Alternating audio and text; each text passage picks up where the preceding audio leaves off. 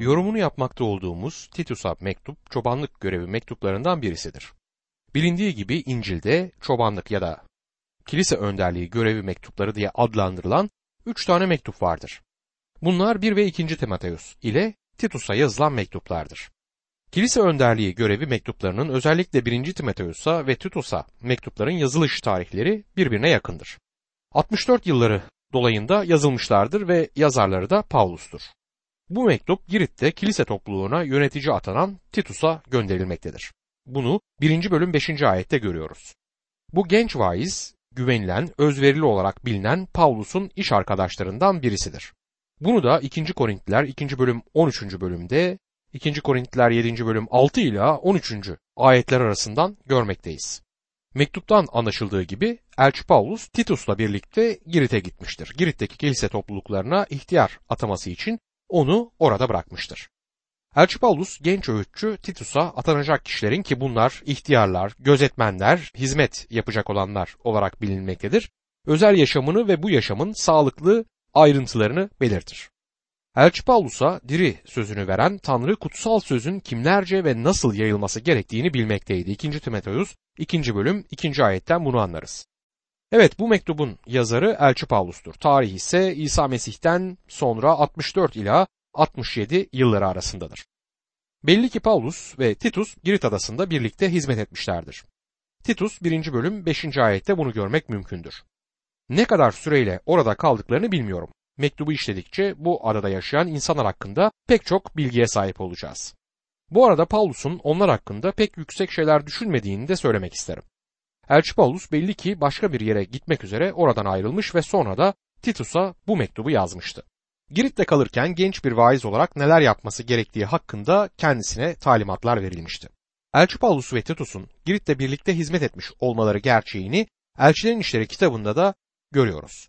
Elçilerin İşleri kitabında görmememiz, Elçilerin İşleri kitabının ilk kilisede olup biten her şeyi kaydetmediğini ortaya koyar. Aslında elçilerin işleri gayet kısa bir kayıttır ve kitabın birinci kesiminde Petrus'un ve ikinci kesiminde ise elçi Paulus'un hizmeti olmak üzere sadece iki elçinin hizmeti vurgulanır. Bu iki adamın hizmetinin bile tam bir kaydına sahip değiliz. Elçi Paulus Mesih'in dönüşüyle ilgili de bu mektupta bizlere bilgi aktaracaktır. Selaniklilere yazdığı iki mektupta Paulus Mesih'in gelişini vurgulamıştı. Onun için bu parlak ve güzel bir umuttu. Elçi Paulus'u eleştirenler bunun onun hizmetinin başlarında savunduğu bir nokta olduğunu ama daha sonra bu noktayı vurgulamadığını söylerler. Ancak Titus mektubu 1. Timoteus'ta yaklaşık aynı zamanda Elçi Paulus'un hizmetinin tam sonunda yazılmıştı. Titus'ta Elçi Paulus, Titus 2. bölüm 13. ayette şöyle der. Bu arada mübarek umudumuzun gerçekleşmesini, Ulu Tanrı ve kurtarıcımız İsa Mesih'in yücelik içinde gelmesini bekliyoruz. Dostum Elçi Paulus kilisenin kutlu kutsal umudunu kaybetmemişti. Bence bu umut gün ağarıp sabah yıldızı yüreklerinizde doğuncaya dek parlayacaktır. Ve daha da parlak bir şekilde parlamaya 2. Petrus 1. bölüm 19. ayete göre devam edecektir. Timoteus mektubuyla Titus mektubunu kıyaslamamız gerekirse Elçi Paulus'un Rabbe yöneltme ayrıcalığını yaşadığı iki genç ayrı vaiz olduklarını söyleyerek başlayabiliriz. Elçi Paulus her ikisinin de oğulları, gerçek oğulları olduğunu söyler ama bunu söylemesinin nedeni her ikisini de Mesih'i tanımanın kurtaran bilgisine yöneltmiş olmasıdır. Paulus bu iki kardeşe de mektuplar yazmıştı. Elimizde Timoteus'a yazılmış olan iki, Titus'a yazılmış olan ise bir mektup bulunur. Bu mektuplara çobansal mektuplar adı verilir. Çünkü bu mektuplarda Elçi Paulus bu genç vaizlere yerel kilise hakkında talimatlar verir. Bu mektuplar günümüzde bizler için de çok yararlı olmaktadır. Yerel kiliseyi yönetme konusunda elimizde o kadar çok başka talimat var ki yerel bir kiliseyi nasıl yöneteceğimiz konusunda yazılan kitaplarla bir kütüphanenin bütününü doldurabilirsiniz. Kutsal kitapta sadece bu üç mektup bulunmaktadır ve bunlar çok kısa olmalarına karşın kilise için gerekli yönergeleri vermektedir. Bize vurguladıkları şey bir kilisede bir eksik ya da bir gereksinim varsa organizasyonda ya da kullanılan sistemde bir sorun olmadığıdır. Bunun yerine bir kilisede bir ihtiyaç varsa bunun ruhsal bir ihtiyaç olduğu bu mektuplarda vurgulanmaktadır. Doğrusunu isterseniz Timoteus ve Titus adlı bu genç vaizler hakkında çok az şey biliyoruz. Ancak Titus hem fiziksel ve hem de ruhsal bakımdan daha kuvvetli biri gibi gözükmektedir. Paulus Titus'un durumu hakkında Timoteus'un durumu hakkında olduğundan daha az kaygı duyar. Büyük bir olasılıkla Titus daha olgundu ve daha canlı ve kuvvetli bir kişiliği vardı. Timoteus Paulus tarafından sünnet edilen bir Yahudiydi ama Titus Yahudi değildi ve Elçi Paulus onu sünnet etmeyi reddetti. Galatyalılarda Paulus'un Titus'u Yarışilim'e götürdüğünü ve Yahudi olmadığı için Paulus'un onun sünnet edilmesine izin vermediğini Galatyalılar 2. bölüm 1, 2 ve 3. ayetlerde görürüz. Ama Timoteus'u götürdüğünde onu Elçilerin İşleri 16. bölüm 1, 2 ve 3. ayetlere göre sünnet ettirmişti. Elçi Paulus genç bir vaizi sünnet etmiş ve diğerini sünnet etmeyi reddetmişti. Buradan bir kural çıkarmamız gerekiyorsa kural sadece şöyle olabilir. Galatyalılar 6. bölüm 15. ayet. Sünnetli olup olmamanın önemi yoktur. Önemli olan yeni yaratılıştır. Elçi Paulus'un odak noktası insanları Mesih'e kazandırmaktı. Yahudiye Yahudi, Yahudi olmayana Yahudi olmayan biri olmak istediğini söyledi. Timoteus'u sünnet ettirmişti çünkü sinagoglara gidiyorlardı ama Yarışilim'deki kilisenin büyük konseyinde müjde tehlikedeydi ve Paulus bir parça bile yasacılığın içeri sızmasına Elçilerin İşleri 15. bölüme göre izin vermeyecekti. Bu yüzden Titus'un sünnet edilmesine izin vermeyi reddetti. Hristiyan yaşamını yaşamaya çalışırken törenlerden başka bir şey olmayan bir dizi küçük kural koymak tehlikeli olacaktır. Dostum İsa Mesih ile kişisel bir ilişkiniz yoksa bütün şeyler tamamıyla boştur. Titus'a yazılan mektubun konusuyla ilgili ise şunları söyleyebilirim. Yazılan bu mektupta İncil kilisenin toplumla organizasyonu tam bir denge içine getirdiğini görüyoruz. Günümüzde İncili kilisenin üyeleri olduklarını söyleyen pek çok kişi var. Onlara son günlerde kiliselerinde herhangi birinin düşüp ölüp ölmediğini sormak isterim. Böyle bir şey olmadığını söyleyeceklerinden eminim. Ama ilk kilisede yani burada vurgulamaya çalıştığım İncili kilisede kutsal ruha yalan söyledikleri için düşüp ölen Hananya ve Safire'yi Elçilerin İşleri 5. bölümde okuyoruz. Günümüzde bu ülke geçerlikte olsaydı sıradan kiliselerin çoğunun bir hastaneye hatta morga dönüşeceğine de inanıyorum. Bu mektuptan ideal kiliseyle ilgili ipuçlarını almaktayız. İlk olarak düzenli bir organizasyona sahip olacaktır ideal kilise. İkincisi öğreti yani doktrin bakımından sağlamdır ve üçüncü olarak yaşam bakımından pak ve her iyi işi yapmaya hazır olacaktır. Titus mektubunun bize sunduğu İncili kilise böyle bir resim oluşturur. Timoteus'ta vurgu kilisede sağlam öğretiye olan ihtiyaçtı. Titus'ta ise kilisenin yönetiminde Tanrı'nın düzeninin önemi vurgulanmıştır. Hatta Titus 1. bölüm 5. ayette mektubun bütününün anahtarı bulunur. Geriye kalan işleri düzene sokman ve sana buyurduğum gibi her kente ihtiyarlar ataman için seni Girit'te bıraktım der bu ayette. Titus'un Girit'teki işleri yoluna sokması gerekiyordu. Birinci bölümde Paulus kilisenin düzenli bir organizasyon olması gerektiğini söyler. Beşinci ayette. İkinci bölümde kilisenin Tanrı sözünü öğretmesi ve bildirmesi gerektiği öğretilir. Titus 2. bölüm 1. ayet sağlam öğretiye uygun olanı öğret der. Kilisenin doktrinsel olarak imanda sağlam olması gerektiğinin altı çizilmiştir. Ve daha sonra 3. bölümde kilisenin iyi işler yapması gerektiğinde okumaktayız. 3. bölüm 1. ayet. Yöneticilerle yönetimlere bağlı olmaları, söz dinlemeleri ve iyi olan her şeyi yapmaya hazır olmaları gerektiğini imanlara anımsat der. Yani kilise lütuf aracılığıyla kurtulmuştur. Lütuf aracılığıyla yaşamalı ve imanını dünyaya iyi işler aracılığıyla göstermelidir. Günümüzde bu üç alanı da uygulamaya koyan bu çok önemli vurgunun üçünü de vurgulayan bir kilise bulmak neredeyse çok zor. Bazıları bu alanlardan birini, diğerleri de başka birini vurgular. Şimdi bunların her birine biraz daha yakından bakacağız. İlk olarak kilisenin düzenli bir kilise olması gerekmektedir. Elçi Paulus Korintlilere her şeyi uygun ve düzenli bir şekilde yapmaları gerektiğini 1. Korintliler 14. bölüm 40. ayette yazar. Bazen kilisede fazla bir düzen bulamıyoruz ve sık sık da bunun nedenini her şeyi yapmaya çalışan birkaç görevli oluşturur. Böyle bir kilisenin başı gerçekten derttedir ve vaizi için büyük bir acı oluşturur bu durum. Kilisenin düzenli bir kilise olması birkaç deneyimsiz diyekon tarafından yönetilmemesi gerekir. İkinci olarak birçok kilisede sağlam doktrinin yani sağlıklı öğretinin hiç vurgulanmadığını görüyoruz. Bundan ötürü genç vaizlerin dikkatlerini bir kilise kurmaya ya da herhangi bir türde bir imparatorluk kurmakta odaklanmamaları gerektiğinin altını çizmek isterim. Onlara sadece Tanrı sözünü öğretmeleri ve bildirmelerini söyleyebilirim. Bir organizasyon kurmak yani bir sürü dünyasal işle uğraşmak, onu kurmak, bu binayı yapmak yerine erkek ve kadınların yaşamlarını bina etmelidirler. Bir kilisede her ne organizasyon kurulursa kurulsun bu onlar oradan ayrıldıktan sonra başkaları tarafından bozulabilir. Bu bir vaiz için büyük bir acı kaynağı olabilir. Ama cemaatindeki, topluluktaki insanların yaşamlarını bina etmeyi hedeflerse durum farklılık gösterecektir. Böyle yapmak her kilisenin vurguladığı bir nokta olmalıdır. Son olarak bir kilisenin her iyi iş için hazır olması gerekir. Bazen bir muhafazakar öğretiyi o kadar fazla vurgulayabiliriz ki iyi işleri yeterince vurgulamıyor olabiliriz. Buna dikkat etmek gerekir diye düşünüyorum. Bir kilisenin iyi işler yapması da gerekmektedir. Öğreti en önde gelen faktör olmalıdır ama iyi işler yapılması da gerekir.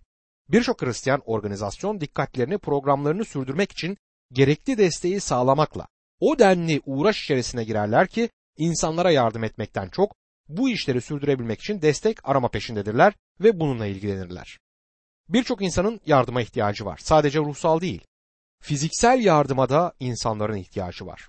İnsanlar için bir şeyler yapmalıyız. Onlara verilebilecek ruhsal ihtiyaçların yanında fiziksel ihtiyaçlarında da yardımcı olmalıyız. İnsanlara yardım etme işini sürdüren pek çok kilise olduğunu söylerken tabii ki mutluluk duyuyorum. Cemaatimizdeki insanların evden çıkamayan hastaları ziyaret ettiği, onlara kitap okuduğu, onlar için alışveriş yaptıklarını, evlerini temizlediklerini ve daha başka pek çok işini yaptıklarını duydukça seviniyorum. Bu harikadır. Devletimiz ihtiyaç içindeki insanlara yardım sağlayabiliyor ve bu da harikadır. Ama bizler gidip böyle yalnız insanlarla oturup konuşabiliriz ve bu da günümüzde çok gereksinim duyulan bir ihtiyaç ve hizmettir. Bu Titus'a mektubun sadece kısa bir özeti. Liberalizm, düzen ve doktrin hakkında önceki iki bölümü unutarak iyi işlere ele alan üçüncü bölümü vurgulamaya çalışır. Bir kilise Paulus'un ana hatlarını verdiği bu üç yönü de yaşayana dek kendisine İncili Kilisesi deme hakkına sahip değildir. Sizlere Titus mektubunun ana hatlarını aktarmaya çalışayım. Üç ana bölüme ayrılabilir. Kilisenin bir organizasyon olduğu, kilisenin Tanrı sözünü öğretmesi ve bildirmesi gerektiği, kilisenin iyi işler yapması gerektiği şeklinde üç ana bölüme ayrılabilir. Birinci bölümde kilisenin düzenliliği konu edilir. 1 ila 4. ayetler giriştir. Düzenli bir kilisede burada bildirilen taleplere uygun atanmış ihtiyarlar olması 5 ila 9. ayetlerde konu edilir. Giritlilerin kötü yanları ise 10 ila 16. ayetlerde anlatılır. Kilisenin sağlam doktrini öğretmesi gerektiği 1 ila 10. ayetler arasında ikinci bölümde, kilisenin Tanrı'nın lütfunu bildirmesi gerekliliği ise ikinci bölüm 11 ila 15. ayetler arasında anlatılır. Kilisenin iyi işler yapması gerekir. Ana hattının altında ise iyi işler kurtuluşun kanıtıdır der. 1 ila 7. ayetlerde. Ve kutsal ruhun işleriyle beraber bunlar aktarılır. İyi işler şimdi ve gelecek için yararlıdır der. Bu üçüncü ana hatta bu ise 8 ila 15. ayetler arasında anlatılır. Şimdi kilisenin düzenine ve bir organizasyon olarak yapısına bakalım. Titus 1. bölümde bu konu edilir. Titus'un giriş bölümü çobansal mektupların tipik bir örneğidir ama Pavlus'un diğer mektuplarının tipik bir örneği değildir. Titus 1. bölüm 1. ayet şöyle der. Tanrı'nın seçtiği kişilerin iman etmeleri, Tanrı yoluna uygun gerçeği anlamaları için Tanrı'nın kulu ve İsa Mesih'in elçisi atanan ben Pavlus'tan selam. Tanrı'nın kulu ve İsa Mesih'in elçisi. Buradaki kul sözcüğü uşak olarak da çevrilebilir. Asıl anlamı ise köledir. Elçi Paulus kendisini Tanrı'nın kölesi olduğunu söylerken görüyoruz. Eski antlaşmadan hayatı boyunca efendilerine kulluk etmeyi seçen köleler olduğunu duyduk. Elçi Paulus'un bu sözcüğü bu anlamda kullandığını özellikle size iletmek isterim. İsa Mesih'in elçisi derken Elçi Paulus elçiliğini savunur. Burada elçiliğini savunmasının nedeni organize kiliseye talimatlar verecek olmasıdır. Bu talimatlar bir elçiden şimdi kilisesiyle elçileri aracılığıyla iletişimde bulunan Rab İsa'nın atanmış bir yazarı olduğunu da ifade eder. Titus'a mektup Rab İsa'nın aynı zamanda bize de söyleyeceklerini içerir. Tanrı'nın seçtiği kişilerin iman etmeleri, Tanrı yoluna uygun gerçeği anlamaları için diyor bu ayette. Tanrı'nın seçtiği kişilerin iman etmeleri ne demektir? Elçi Paulus yalnızca iman etmeleri demiyor. Tanrı yoluna uygun gerçeği anlamaları diyor. Başka deyişle imanı için değil imanına göre demektedir. Yani günümüzde Tanrı'nın seçtiği kişiler için konulan iman normu ya da standardına göre demek istemektedir. Kurtulup kurtulmamış olmamız neye inandığınıza bağlıdır. Bana İsa Mesih hakkında ne düşündüğünüzü söyleyin. Bana onun çarmıhtaki ölümüne inanıp inanmadığınızı ve bunun sizin için neler ifade ettiğini söyleyin. Onun dirilişi hakkında neye inandığınızı ve onun dirilişinin sizin için neler ifade ettiğini söyleyin. Kutsal kitabın Tanrı sözü olduğuna inanıp inanmadığınızı da ekleyin. Bu bilgilerle sizin bir Tanrı çocuğu olup olmadığınızı anlayabilirim. Gördüğünüz gibi bu Tanrı'nın seçtiği kişilerin imanına göre olan bir standarttır. Tanrı tarafından seçilenler diyor Paulus. Elçi Paulus kurtulmuş insanlardan kutsal kitapta sürekli böyle bahseder. Burada hiç de seçilmişlik doktrinini ele almaz. Tanrı yoluna uygun gerçeği anlamaları için derken burada kullanılan için göre anlamına gelen kata sözcüğüdür. Dostum eğer sahip olduğunuz gerçek sizi Tanrı yoluna göre bir hayata yöneltmiyorsa imanınızda radikal bir biçimde hatalı olan bir şeyler vardır. Bir keresinde bana içki içen, küfür eden ve sosyete takımıyla takılan bir vaizden söz edildi. Oradaki bir başka vaiz bana bu adam nasıl oluyor da başarılı olabiliyor diye sordu. Ben ona dürüstçe o adamın başarılı olduğunu düşünmediğimi söyledim. Belki kiliseye çok sayıda insanın gelmesine neden olabilirdi. Ama Rab İsa Mesih'in kilisesini bina etmediği ortadaydı. Gerçek Tanrı yoluna götürmektedir ve eğer Tanrı yoluna götürmüyorsa o zaman gerçek değildir dostum. Elçi Paulus müjdeye inanıldığında bunun insanları Tanrı yoluna yönelteceği konusu üzerinde duracaktır. Çünkü Girit adasındaki insanlar Tanrı'nın lütfunu suistimal etmekteydi. Eğer lütufla kurtuldularsa istedikleri şekilde günah içinde yaşamakta özgür olduklarını söylemekteydiler. Elçi Paulus burada daha ilk ayetten Tanrı'nın gerçeğine inanıldığında bunun insanları Tanrı yoluna yönelteceğini söyleyerek bunlara yanıt verir. Lütuf kurtarır ama yaşamlarımız için belirli disiplin gerekmektedir ve bizler yüksek bir düzeyde yaşamaya çağrıldık. Tanrı'nın lütfu doktrinini günahınızı haklı çıkartmak için kullanamazsınız. Eğer lütuf aracılığıyla kurtulup günah içinde yaşayabileceğinizi düşünüyorsanız, umarım, şimdi umuyorum bunu nazik bir şekilde söyleyeceğim ama mutlaka da söylemem gerekir, lütuf aracılığıyla kurtulmamışsınız demektir. Hiç kurtulmamışsınız anlamına gelir bu. Lütuf aracılığıyla gerçekleşen kurtuluş kişiyi Tanrı yolunda bir yaşama yöneltecektir. Titus 1. bölüm 2. ayet.